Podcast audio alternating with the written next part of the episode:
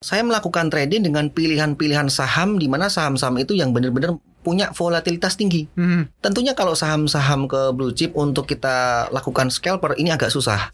Yang paling penting seorang scalper trader itu harus menanamkan dalam dirinya yaitu disiplin cut loss. Scalper trader ini nggak semua orang siap, nggak semua orang bisa. Hmm. Ini butuh waktu dan proses. Bahkan saya menyebutnya waktu dan pengalaman itu nggak bohong. Itu benar.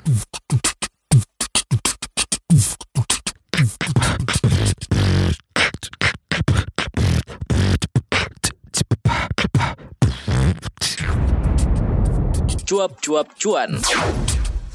Hai Sobat Cuan semuanya, apa kabarnya nih? Gimana perjalanan tradingnya? Masih bisa cuan nggak? Nah hari ini cuap-cuap cuan kedatangan tamu yang spesial banget Seorang scalper yang Mhm. bisa menangguk cuan kotos-kotos Wah, ini nih harus belajar banyak dari sini ya Alin ya karena sekali masuk keluar keluar masuk bisa balik-balik gitu tapi bolak-balik dapat duit tentunya. Nah gimana caranya biar cuan bolak-balik Cuannya mungkin tipis-tipis tapi sering gitu Bener, ya dikit-dikit jadi bukit. Betul, langsung saja inilah dia Bekti Sutikna Halo. Halo Sobat. Mas Halo, Bekti. Di Halo, situ Mas Mas, boleh lihat kameranya. Oke bersama saya Alin Wiratmaja Dan saya Muhammad Gibran kita akan bahas seputar bagaimana sebenarnya bisa cuan gitu ya dengan menjadi seorang trader bahkan mungkin scalper ya kalau kita bisa Iya jadi ini pegang sahamnya sebentar aja Baru beli udah dilepas tangkap cuannya gitu ya Mas Bekti saya baru tahu nih kalau ternyata scalper itu kalau misalnya kita profesional dan serius cuannya juga bisa serius ya Mas Gimana sih bener nggak sih scalper itu bisa juga cuannya luber? Ya benar sekali Mbak. Saya juga sudah membuktikan ya. ya bahkan style trading saya itu dari dulu sampai sekarang scalper trader. Mhm. Itu yang saya lakukan di mana saya itu trading hanya dalam waktu hitungan detik ataupun menit itu langsung saya jual. Tapi saya lakukan berkali-kali dan terbukti bisa menghasilkan profit yang gede dan juga diikuti dengan persentase pertumbuhan aset yang tinggi juga. Mhm. Nah kalau gitu berarti harus ada tips khusus dong, nggak nggak serta merta kayak ah mau beli saham ini nih langsung masuk nggak? Apa sih sebenarnya apa ya bisa dikatakan eh, ciri-ciri atau mungkin eh, saham apa yang masuk kriteria seorang Mas Bekti untuk bisa dibeli hari ini langsung dijual bolak-balik masuk dapat cuan? Oke Mas Gibran.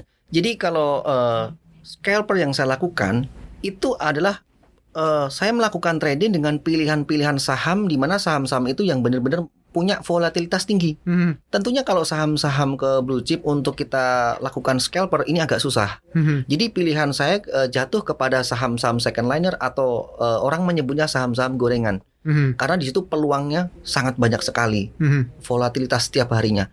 Dan yang paling penting seorang scalper trader itu harus menanamkan dalam dirinya yaitu disiplin cut loss. Oke. Itu juga yang sering saya bilang di mana-mana. Kenapa? Karena kita itu kalau scalper tra- trader itu kita kan masuk di harga eh, beberapa. Jadi kita bisa masuk keluar masuk lagi keluar. Jadi kayak ngikutin harga. Mhm. Di mana kalau ini nggak kita batesin, eh, justru aset kita ini akan eh, turun banyak atau istilahnya kesangkut saham. Mhm. Seperti itu sih, Mas. Jadi bisa dikatakan ya harus patuh terhadap trading plan yang memang sudah dari awal sudah dibuat gitu Benar kan. sekali. Oke, nah tapi awal mula gitu seorang Mas Bekti ini menjadi seorang scalper atau trader sejak kapan sih sebenarnya? Perjalanannya kayak gimana? Oke gitu? oke. Kalau pertama kali sih saya trading di tahun 2008 ya, Hmm. eh, di 2008. Tetapi waktu itu awalnya saya seorang fundamentalis, Oke. awal banget seorang fundamentalis. Tetapi lama kelamaan saya berpikir kalau saya seperti ini kapan saya kayanya? Makanya saya merubah style trading saya. Alhasil saya mulai melirik saham itu. eh, kemudian saya ikuti dengan eh, belajar-belajar buku, menganalisa saham, dan saya memang men- menemukan style trading saya tuh yaitu seorang scalper trader Mhm. gitu. Mhm. Oke, Mas Bekti tadi katakan saham-saham second liner, third liner, Mm-mm. tapi ini bukan sembarang saham dong ya, biar Iya. kita tuh nggak kejeblos. Karena kan buat beberapa orang tuh mereka justru takut saham gorengan atau saham-saham lapis 2, lapis 3 kayak gitu. Selain tadi cut loss berarti milihnya juga nggak bisa sembarangan kan Mas? Oh pasti mbak. Heeh. Mm-mm. Jadi yang saya lakukan itu memilih saham setidaknya juga ada beberapa kriteria. Mhm. Misalnya nih kita harus lihat volumenya, itu penting sekali. Jangan sampai kita itu masuk di saham, tetapi kita nanti nggak bisa jualnya. Mhm. Kalau volumenya kecil ya. Tetapi kalau volumenya gede, eh, setidaknya agak lebih aman.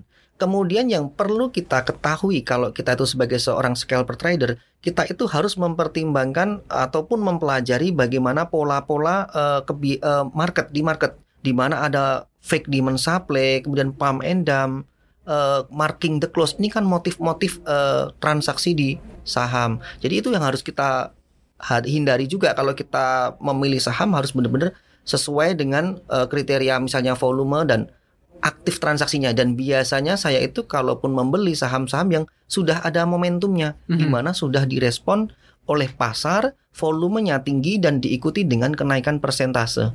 Seperti Mhm. itu.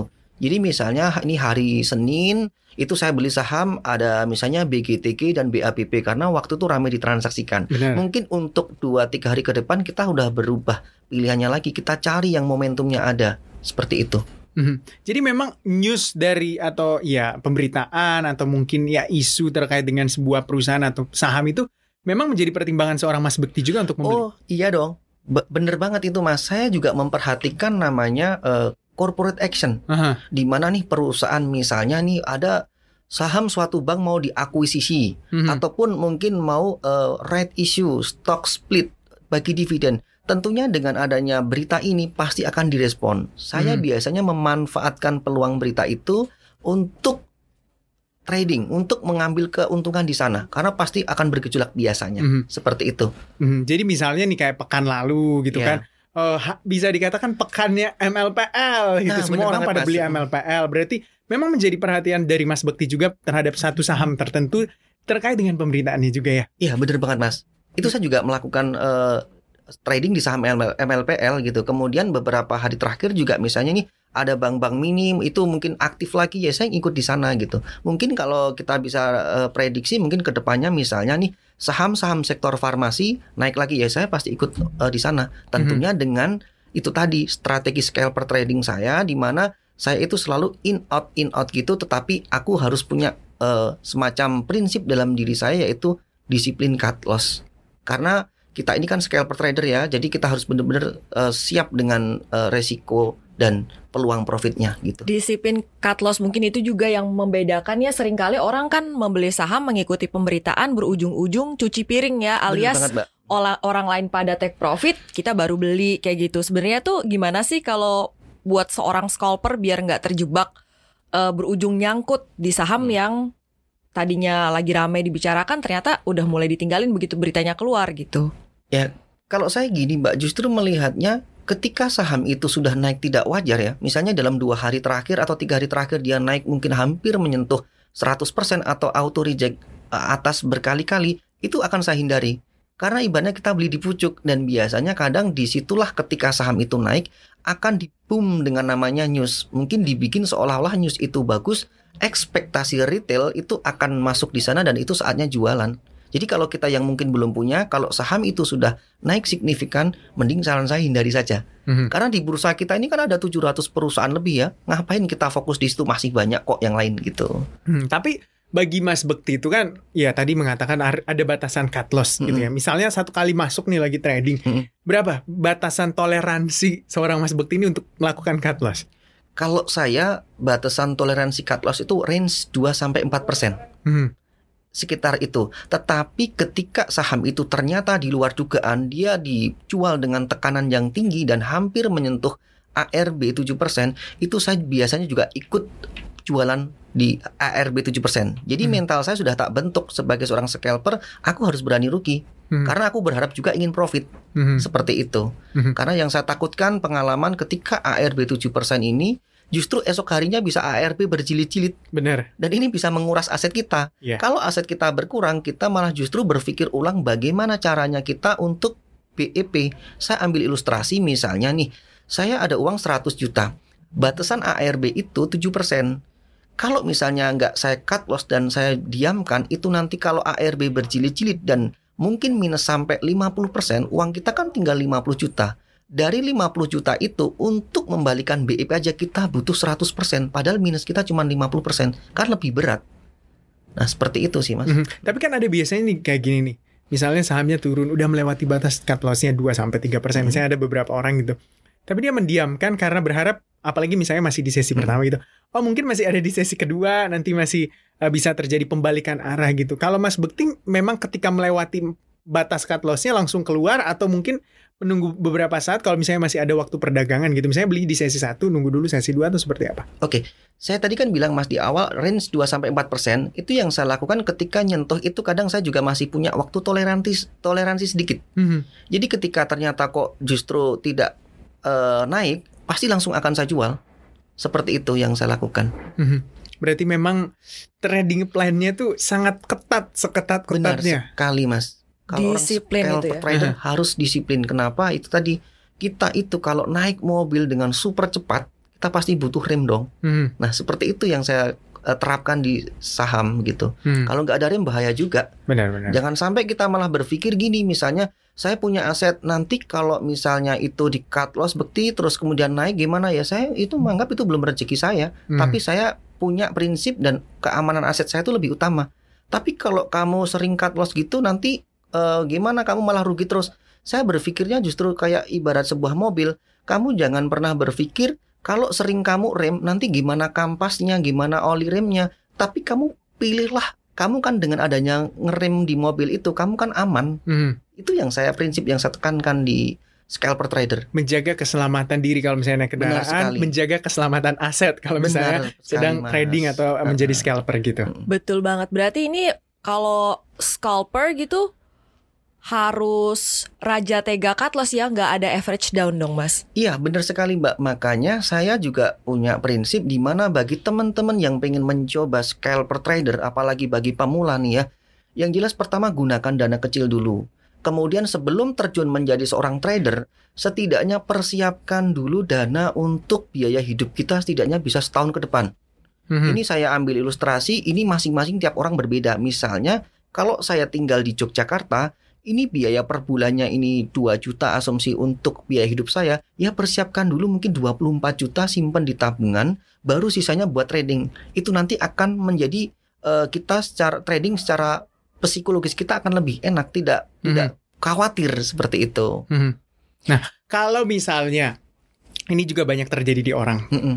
Banyak banget yang ber- beralasan gue ini trading gitu kan, gue Uh, uh, trading. Tapi ternyata ketika harga sahamnya turun, ya mau nggak mau ketika dia nggak tega cut loss ya dengan alasan menghibur diri, oh saya investor gitu.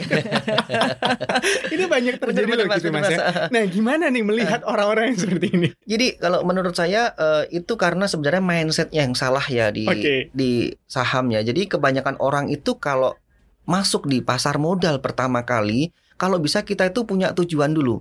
Kita ini mau jadi seorang investor apa jadi seorang trader? Mhm, Karena pilihan sahamnya beda, strategi dan caranya berbeda. mhm. Kalau invest itu kan kita belinya rekomendasi saham-saham yang blue chip, Benar. LQ45 gitu ya.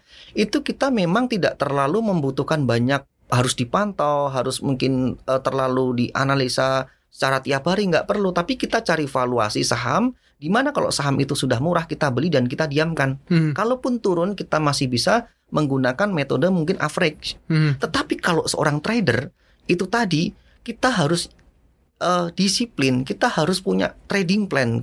Resikonya ada karena kita akan masuk di beberapa harga seperti itu. Mhm. Makanya yang saya tekankan kalau Anda mau trading itu ya harus siap dengan cut loss. Kalau nggak siap cut loss ya Anda mungkin lebih cocoknya ke investasi dulu gitu. Dan Iya. selain itu saya tambahkan lagi Mas, kalau seorang trader saran saya kalau memang nggak punya waktu jangan ambil saham-saham yang volatilitas tinggi karena itu resiko sekali Mhm. ketika mungkin orang yang eh, sibuk dengan pekerjaannya ya tapi dia pengen trading tetapi kalau dia itu masuknya yang di volatilitas tinggi ketika dia itu ditinggal kerja itu bisa rontok saham itu dan bahaya sekali Mhm. itu menurut saya seperti itu Oke. mungkin akan beda ceritanya dengan teman-teman atau mungkin eh, sobat cuan yang dia eh, ngambil saham tetapi tipenya adalah tipe swing Mhm. gitu Jadi kalau memang masih sambil kerja sebaiknya jangan scalping ya, Mas ya. iya saran saya jangan gitu Iya, nanti apalagi kena ARB ya meleng dikit. eh, eh, pilihan sahamnya yang volatilitas tinggi jangan jangan Oke, terus kalau buat pemula sebenarnya juga ini tuh eh, buat pemula apa enggak sih? Karena kan Mas Hmm. Bekti sendiri kan pengalamannya sudah bertahun-tahun ke- sampai menemukan kesuksesan eh, Mm-mm. sebagai scalper. Kalau buat pemula tadi memang coba dana kecil dulu. Apa sebenarnya saran Mas Bekti buat teman-teman yang pemula kayak gimana sih? Oke, Yang mempertimbangkan mau scalping apa enggak ya Mm-mm, atau yang lain aja kayak gitu. Oke, Mbak. Ini pengalaman saya, Mbak ya. Jadi bagi pemula saran saya itu ketika pertama kali kita itu harus membuka rekening efek itu diisi dengan dana kecil dulu. Kemudian setelah itu imbangi dengan yang namanya baca buku karena itu penting sekali. Di mana dengan buku itu kita bisa mencari info-info dan berita kemudian mempelajari tentang saham. Apalagi kalau pemula biasanya dia harus beradaptasi dengan softwarenya dulu kan. Jangan sampai keliru buy malah sell itu banyak juga teman-teman saya yang kejadian seperti itu. Karena apa? Di awal itu apalagi trader-trader pemula dia harus siap dengan eh, menyiapkan diri untuk trading dengan cara ya seperti itu tadi eh, untuk ke investasi dulu saran saya kemudian diikuti dengan dana kecil dulu. Saran saya ke invest dulu diikuti dengan kalau mau trading silahkan tetapi dengan dana yang terukur dulu. Mhm. Sebenarnya metode scalper atau swing atau invest itu menurut saya di awal eh, gini ya dicoba aja dulu karena kita memang butuh dicoba kalau nggak dicoba kita nggak akan pernah tahu gitu. Mhm.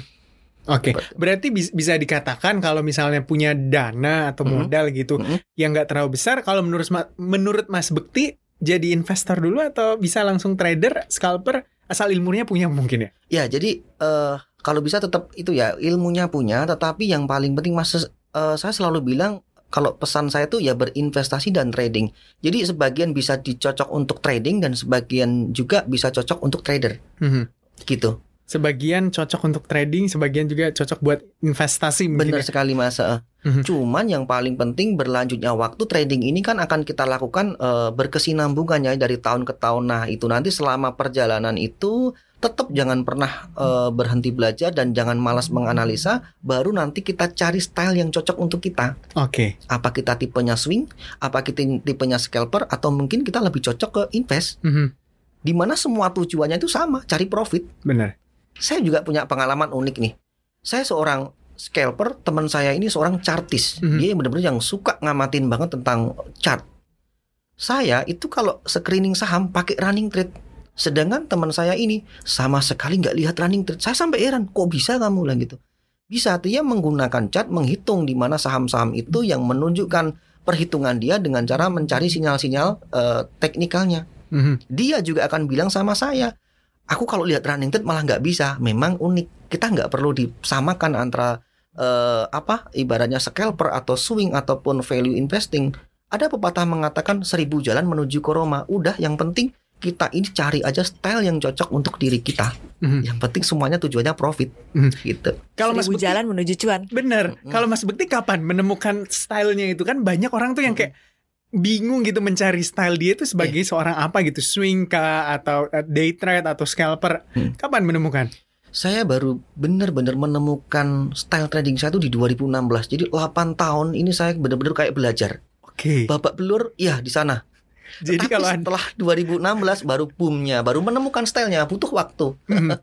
Setelah menemukan stylenya itu gimana Mas eh, kalau dilihat dari pertumbuhan asetnya, perkembangannya?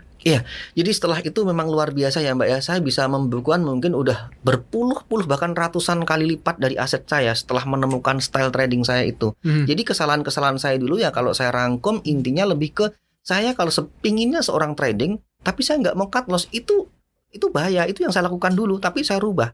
Kemudian yang kedua ketika saya itu profit profit saya saya amankan. Kalau dulu nggak saya gulung terus di Hmm. saham alhasil eh, ini profitnya justru habis hilang. Oh. Itu pengalaman saya makanya saya bisa bilang seperti ini karena saya punya pengalaman Oh. gitu. Oke, ada kan orang tuh mindsetnya gini ya mas, Mm-mm. ketika misalnya dia trading atau scalper gitu, eh, ketika mendapatkan keuntungan ya untungnya digulung terus, digulung Mm-mm, terus. mm-mm. Kalau Mas Bekti, untungnya benar-benar diamankan, jadi yang diputar terus itu adalah modalnya. Iya, saya seperti itu. Dan Oke. sampai saat ini pun saya juga masih seperti itu. Jadi saya trading di saham ini sudah menggunakan modal yang terukur. Mhm. Bahasa saya itu sudah profitnya profitnya profit gitu. Hmm. Jadi nggak akan mempengaruhi psikologis trading saya. Mhm. Benar-benar sudah. Ya kalau trading itu saya ibaratkan sebuah kalau kita mau perang, saya udah siap mati gitu bahasanya. Siap tempur gitu. Iya, berarti Iya. ini dana darurat sudah aman, Aman, biaya hidup mm. udah aman untuk Benar. sekian bulan, Heeh. mungkin sekian tahun kalau Iya, sekarang ya iya. Mas. Jadi psikologisnya juga eh, enak gitu ya. Benar, mungkin benar, kita kadang-kadang kalau trading ada nih yang mungkin Mm. pakai harusnya bayar uang buat apa, Heeh, dipakai dulu ah mm. diputer gitu ya. Atau pakai duit pinjaman Nah. gitu. Pernah nggak sih sebenarnya Mas Bekti melakukan Iya. kesalahan atau mungkin melakukan hal itu? Pernah dong mas, saya nggak bisa bilang seperti ini kalau saya belum pernah mencoba gitu. Jadi pengalaman saya di tahun 2000-an 10, 2000-an 9 waktu itu kan juga masih mahasiswa ya. Saya pernah mencoba seperti itu mas, walaupun cuman dengan eh, bahasanya modal yang masih terukur ya, maksudnya cuma 5 juta, 10 jutaan gitu pinjem. Iya, saya lakukan waktu itu. Karena mindset saya dulu juga salah. Harapan saya misalnya nih saya pinjem, kemudian eh, bunga per bulannya misalnya asumsi cuma 2%. Kalau saya bisa menghasilkan lebih di saham, mungkin 5 atau 10%, saya kan dapat eh, cuan gitu ya. Itu saya kan dapat nanti bisa kalau saya rutin itu akan saya dapat modal dengan cara berhutang. Tapi ternyata saham ini kan sesuatu hal yang nggak pasti, ada resikonya juga. Justru malah dengan adanya seperti itu waktu itu yang terjadi. Eh, duit saya malah habis, masa bingung nih mau balikin duit utang dari mana ini. Pernah itu pengalaman seperti itu. Makanya saya selalu bilang kalau ini saran saya jangan sampai pakai duit panas, duit Mhm. pinjaman jangan. Jangan, Dan jangan sebelum masuk cepet kaya saham, gitu. sebelum masuk saham itu jangan lupa tadi siapkan uang untuk biaya hidup dulu biar nanti nggak mengganggu trading kita Mhm. gitu. Ini sih yang kita sering lupa ya. Bener. Mhm. Jangan sampai nggak makan gitu. Iya. Terus dana tradingnya banyak gitu. Iya. Ternyata nggak nggak bisa makan hari. Bener, saya punya pengalaman juga itu mas waktu masih mahasiswa, jadi eh, udah dikasih uang SPP ya, itu buat bayar itu kan, eh, saya masukkan di saham dulu juga. Wow. Terus saya bayar SPP-nya di hari paling terakhir. Dan ternyata sudah saya perkirakan waktu itu masih T plus 3 ya. Ini saham saya masih minus. Tapi nggak mau mau nggak mau harus dijual. Karena apa? Buat bayar SPP. Dan alhasil yang terjadi saya kayak cut loss-nya tuh cut loss dipaksa karena uang harus keluar. Nah ini dia yang tak maksud. Kalau pakai uang panas pasti kita akan was-was gitu. Hmm. Dulu Itu waktu buruknya. masih darah muda ya Mas ya. Iya. mm, benar. Jadi emang nggak boleh ingat sekali lagi nggak boleh pakai uang panas, pakai uang dingin yang bener-bener nggak nggak tahu mau diperuntukannya buat apa. Artinya dananya itu ya dana menganggur gitu benar, kan. benar, benar, Mas. Semua udah tercukupi kebutuhan sandang, pangan, papan, sampai eh, dana darurat juga sudah tercukupi. Betul banget. Nah, sekarang eh, kita mau tahu nih, eh, Mas Bekti eh, size tradingnya sebesar apa sih? Jadi Ya. korek-korek. Jangan sampai kalau sekarang menggerakkan nih, mungkin boleh dibandingin kalau dulu kayak gimana, terus sekarang kayak gimana? Berapa kali lipat gitu dari Iya. dulu. Kalau dibilang eh, size ya Mbak ya, memang sudah berbeda jauh sekali ya Mbak ya. Eh, selalu yang di video saya itu yang kemarin sudah saya buka yaitu saya selama enam bulan terakhir eh, waktu competition itu di bulan September sampai Maret itu dari 220 juta kan udah profit hampir 14 miliar ya bisa jadi 14 miliar ya di waktu itu.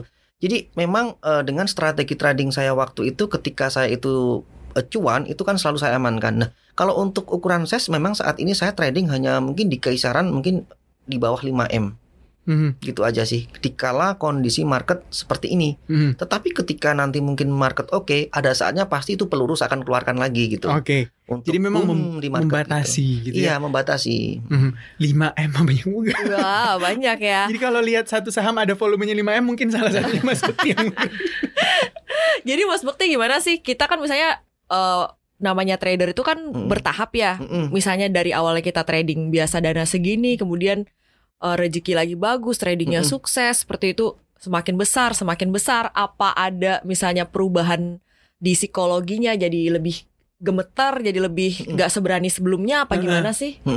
Justru yang terjadi saat ini malah sebaliknya, Mbak. Dulu waktu saya itu masih di awal-awal trading mungkin menggunakan uang 20-an sampai 100-an juta itu mah gemeter. Sampai saya tuh mau enter itu deg-degan dan bahkan malam harinya saya nggak bisa tidur. Tetapi sekarang mungkin enter mungkin 20-30 miliar ya, itu malah nggak masalah. Kenapa yang membedakan? Karena waktu dulu saya masih trading dengan mindset saya yang salah. Saya itu trading hanya dengan menggunakan uang saya di situ. Itu aja yang saya gunakan. Dan saya juga pernah cerita tadi di atas berhutang. Jadi mah deg-degan. Mhm. Tapi sekarang karena saya itu mungkin dengan nominal itu makan ma- bahkan mungkin lebih gede, saya mah nggak deg-degan karena ibaratnya saya tuh punya uang 10 juta, ini yang saya keluarkan cuma satu juta aja. Jadi nggak akan mengaruh apa-apa. Gitu. Oh, dari Malah- sisi nominalnya tambah besar, tapi dari sisi persentase aset itu sebenarnya lebih Bu- bukan Mbak. Jadi eh, persen eh, kalau secara nominal lebih besar, tetapi kesiapan dalam diri saya eh, di balik eh, diri saya itu aset saat ini memang sudah siap, sudah apa ya ibaratnya itu sudah kuat, Mhm. nggak kayak dulu. Padahal dulu menggunakan modal kecil aneh kan kalau dipikir, tapi sekarang mah kenyataannya malah enggak, justru masuk sekarang berani Oke. gitu. Berarti permainan mental, Mental, bener mental banget, Mas. men- bener-bener yang harus Iya. disiapkan ya. Karena saya bis- bisa bilang gini, scalper trader ini nggak semua orang siap, nggak semua orang bisa. Mhm. Ini butuh waktu dan proses. Bahkan saya menyebutnya waktu dan pengalaman itu nggak bohong. Itu benar. Mhm. Nggak bisa semua orang langsung kita harus paksa jadi scalper juga nggak bisa. Nggak bisa. Ini kan banyak orang yang mendengar cerita kesuksesan Mas Mm-mm. Bekti berbondong-bondong mau jadi scalper gitu kan. Tapi it's not for everyone juga ya sebenarnya ya Mas. Iya, heeh. Jadi eh intinya kalau scalper trader ini Mbak, ini kan sebuah metode yang sangat cepat sekali ya Mbak. Ya, Saya bilang menyebutnya untuk one day trading ya. Tapi di sini juga ya itu tadi ibaratnya kalau eh, saya itu trading ini saya pinginnya cepet tapi ada resikonya. Hmm. Yang penting konsep saya seperti itu aja sih. Gitu. Berani mengambil risiko Benar. karena berani juga mendapatkan cuan yang gede. Benar sekali Mas. Mhm. Nah, ada juga yang mengatakan gini, kan biasanya tuh banyak orang beralasan, eh kamu nggak trading hari ini misalnya ditanya nih sama Mhm. orang, enggak market marketnya lagi bearish gitu kan, Mhm. lagi nggak bagus gitu. Kalau Mas Bekti nih mau dalam situasi kondisi market apa pun tetap bisa nyelip dapat cuan. Enggak juga Mas. Oh enggak juga. Enggak juga, Saya Mas. kira Jadi saya setiap hari bisa gitu. Nah, itu dia mas seninya seorang scalper trader dia harus bisa mengontrol psikologis tradingnya Hmm, dia harus tahu kapan waktu dia tuh untuk melakukan jual beli dan ada saja dia tuh ibaratnya tidur dia Hmm. nggak perlu juga mantau market karena kondisi market tuh nggak selamanya baik. Jangan sampai ada istilah jangan sampai kamu nangkap pisau jatuh gitu ya. Kalau memang kondisi nggak memungkinkan lagi saat eh, bearish atau apa itu ya mendingan saya nggak ini saya nggak trading. Mhm. saya mendingan jalan-jalan udah rest dulu nikmati cuan. Mhm, kita nggak perlu di trading ini harus tiap hari harus jual beli nggak. Yang saya lakukan nggak seperti itu gitu. Mhm. Jangan tapi ketika ya. market nanti oke, wah itu ibaratnya saya keluarkan nuklir saya semuanya gitu. Jangan gatal nekan tombol enter beli buy buy buy buy gitu. iya mas, ini kesalahan-kesalahan, mohon maaf kesalahan-kesalahan para pemula itu ketika dia bilang gini sama saya, "E, Mas Bekti, ketika saya itu sudah profit, tetapi saya itu alhasil kok kesapu lagi ya. Nah, nah itu tuh banyak yang kayak gitu tuh Mas Bekti. Jadi profitnya nih- dari hati banget nanya. Nggak juga, saya nggak juga. Jadi udah ada nih, udah untung selama sem- seminggu misalnya ngumpulin 40 juta. Tiba-tiba untung 40 juta itu bisa kesapu Iya. dalam jangka waktu 2 sampai 3 hari. karena dia gini mas, saya melihatnya dia controller dalam dirinya masih kurang, Hmm. keinginan untuk tradingnya tinggi. Saya menyebutnya dia udah kecanduan trading gitu ya. Oke. Jadi kalaupun trader seperti ini kita harus bisa melihat kondisi market ini penting banget mas. Mhm. Misalnya akhir eh, dua bulan tiga bulan terakhir ini kan market juga sideways susah cari profit di eh, bulan-bulan terakhir kemarin. Benar. Jadi memang harus mengendalikan keinginan gitu. Jangan Benar sampai juga. kecanduan kayak narkoba. iya betul. Berarti harus tahu siklus market juga ya. Kapan Benar. musim panen, kapan istirahat menikmati hasil Benar. panen Iya. mungkin ya. Iya. Tapi justru market itu memang seperti itu mbak. Kita butuh balancing. Nggak mungkin market itu naik terus. Nggak mungkin.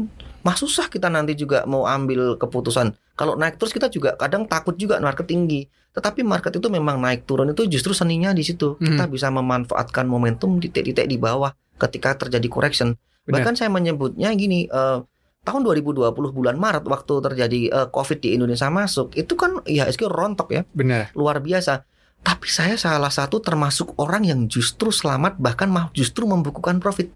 Mhm. Karena tipe saya itu tipe scalper di mana saya tuh punya prinsip eh, untuk disiplin cut loss range 2-4%. Setelah itu ketika IHSG turun, saya diam diri. Saya nggak trading selama seminggu. Udah tungguin aja harga murah. Oke. Justru malah momentum itu saya bisa dapetin harga murah dan ketika eh, sahamnya balik naik ke atas lagi, saya bisa jualan. Oh, Oke. Mungkin bagi teman-teman yang dia itu swing atau mungkin dia invest, aku jamin pasti kena Mhm. karena waktu itu benar-benar luar biasa rontoknya gitu. Itu salah satu keuntungannya Bener. kalau scalper Nah, ya. bener. Karena Bener. barangnya nggak nginep. nggak ada Iya. yang nginep gitu bahkan Mm-mm. memang ya mau apa pun yang terjadi harus keluar dananya. Kalau udah arah ya keluar aja gitu. Kalau ARB ya harus benar-benar keluar. Tapi ini mungkin bisa dibagi sama sobat cuan juga. Gimana cara me- apa ya menyisir. Saham itu kan banyak banget ya. Menyisir. Ada tuh orang yang menyisirnya misalnya dari top gainers disisir satu-satu. Mas Bekti gimana sih apa tiap malam nyisir saham gitu? Ada banyak ratusan saham nih. Kalau saya biasanya tiap eh, market itu tutup mas, itu langsung saya lihat di generusernya hmm. saham-saham apa yang mungkin terjadi peningkatan volume dan diikuti dengan kenaikan persentase itu malam harinya akan saya cari berita ya. Mhm. Bisa di CNBC, bisa di eh, Detik Finance, Kontan, Bloomberg, Investing itu saya aktif buka berita malam hari. Hmm. Kemudian saya cari eh, analisis teknikalnya untuk esok harinya screening saham itu. Begitu market itu mau open pagi harinya, itu saya juga akan lihat kondisi IHSG. Jadi banyak pertimbangannya juga, tidak Hmm. langsung saklek ya. Mhm. Ketika nanti eh, market berjalan, itu akan saya lihat direspon nggak sama market Mhm. gitu. Jadi kalau ternyata itu direspon, ya udah saya ikut Mhm. dan saya screening juga pakai running trade Oke. di mana saham-saham kok tiba-tiba di situ ada momentum aktif dan mungkin naik 5 lebih dari 5% akan saya lirik biasanya biasanya juga itu akan saya beli Mhm. seperti itu Mas kurang lebihnya jadi memang ada yang memang saya rencanakan dan memang ada yang tak terduga ketika di saham tiba-tiba rame akan saya beli Mhm. seperti itu Oke, berarti jangan malas membaca gitu. Eh, bener Jangan banget, cuma Mas. tiba masa tiba akal. Oh lihat sahamnya naik beli. Ternyata itu udah dipucuk. Ntar lagi jatuh gitu. iya iya bener-bener Gitu. banget Jadi berarti persiapan sebelum tradingnya udah dari sehari sebelumnya Bener kan. ya melakukan Bukan Eh, random ucuk-ucuk. Oke, haka yang ini gitu kayak kan. itu gitu ya benar. Harus tetap memperhatikan kondisi makroekonomi juga, melihat Iya. kondisi pasar, melihat juga pemberitaan terhadap suatu saham dan juga yang tadi Mas Bekti bilang ya lihat volumenya juga. Kalau Mm. banyak yang mentransaksikan berarti liquid begitu ya banyak yang Iya, mau eh, gitu. Jadi ada momentumnya saat ada itu. momentum Heeh. cepat keluarnya cepat masuknya juga jadi cepat Iya. masuk bisa cepat keluar juga jangan sampai masuk gampang keluarnya susah Nah, bener mas, Gitu. bener mas. Iya. Mas Bekti ini sudah hampir habis waktu kita Mm-mm. boleh diberikan pesan-pesan buat sobat cuan Mm-mm. yang saat ini memang memilih uh, metode Jalur. cari cuannya tuh scalping Mhm. dan juga maupun mereka yang masih mencari style untuk mencari cuan di pasar saham. Oke, buat sobat cuan, pesan saya yang jelas, kalau anda itu mau masuk di dunia saham, itu prinsip-prinsip yang sudah saya ceritakan di atas tadi, eh, tolong diperhatikan. Baik itu persiapan anda sebelum masuk trading, dana itu harus dana dingin bukan dana hutang. Anda harus rajin membaca buku, jangan malas menganalisa saham. Kemudian Anda kalau memang mau memutuskan menjadi seorang scalper trader harus disiplin cut loss. benar Dan saya juga eh, bilang kalaupun eh, Anda itu profit, tolong amankan dulu profitnya. Jangan semua kamu gulung di saham. Gitu. Kemudian pesan saya terakhir juga eh, so- eh, kalau Anda pengen jadi scalper trader ber- selalulah punya prinsip bahwa keutamaan keamanan aset itu lebih utama daripada mengejar profit. Mhm. Karena kalau kita biarkan itu nanti justru membuat aset kita turun, kita malah justru susah untuk membalikannya. Tetapi kalau kita berprinsip saat itu kita memikirkan keamanan aset kita dengan cara melindunginya dengan cara cut loss, kita masih bisa mencari profit di hari-hari lain. benar Gitu sih, Mbak. oke selalu ada kesempatan di Benar hari-hari. sekali, Mas. Betul, Hmm. melindungi amunisi ya. benar benar. Hmm. Mhm. Iya. jangan sampai boncos gitu ya udah cuan seminggu wah Ah, tergulung dua benar, hari benar, Begitu hati ya kayaknya. sobat cuan dari hati ya juga Iya, saya iya. ketawanya dari hati banget. Oke, terima kasih Mas Bekti Sutikna Ya, dari Yogyakarta jauh-jauh jauh-jauh ke main-main ke studio cuap-cuap cuan terima kasih sehat Ya. selalu gitu kan cuannya tiap hari bertambah jangan lupa bisik-bisik juga Ya. siap, siap, siap, Mas. Gibran, Oke, saya Alin Wiratmaja. Saya Muhammad Gibran pamit undur diri. Terima kasih juga Mas Bekti. Sampai Ya. jumpa Sobat Cuan. Cuan terus ya. Ya, sobat cuan.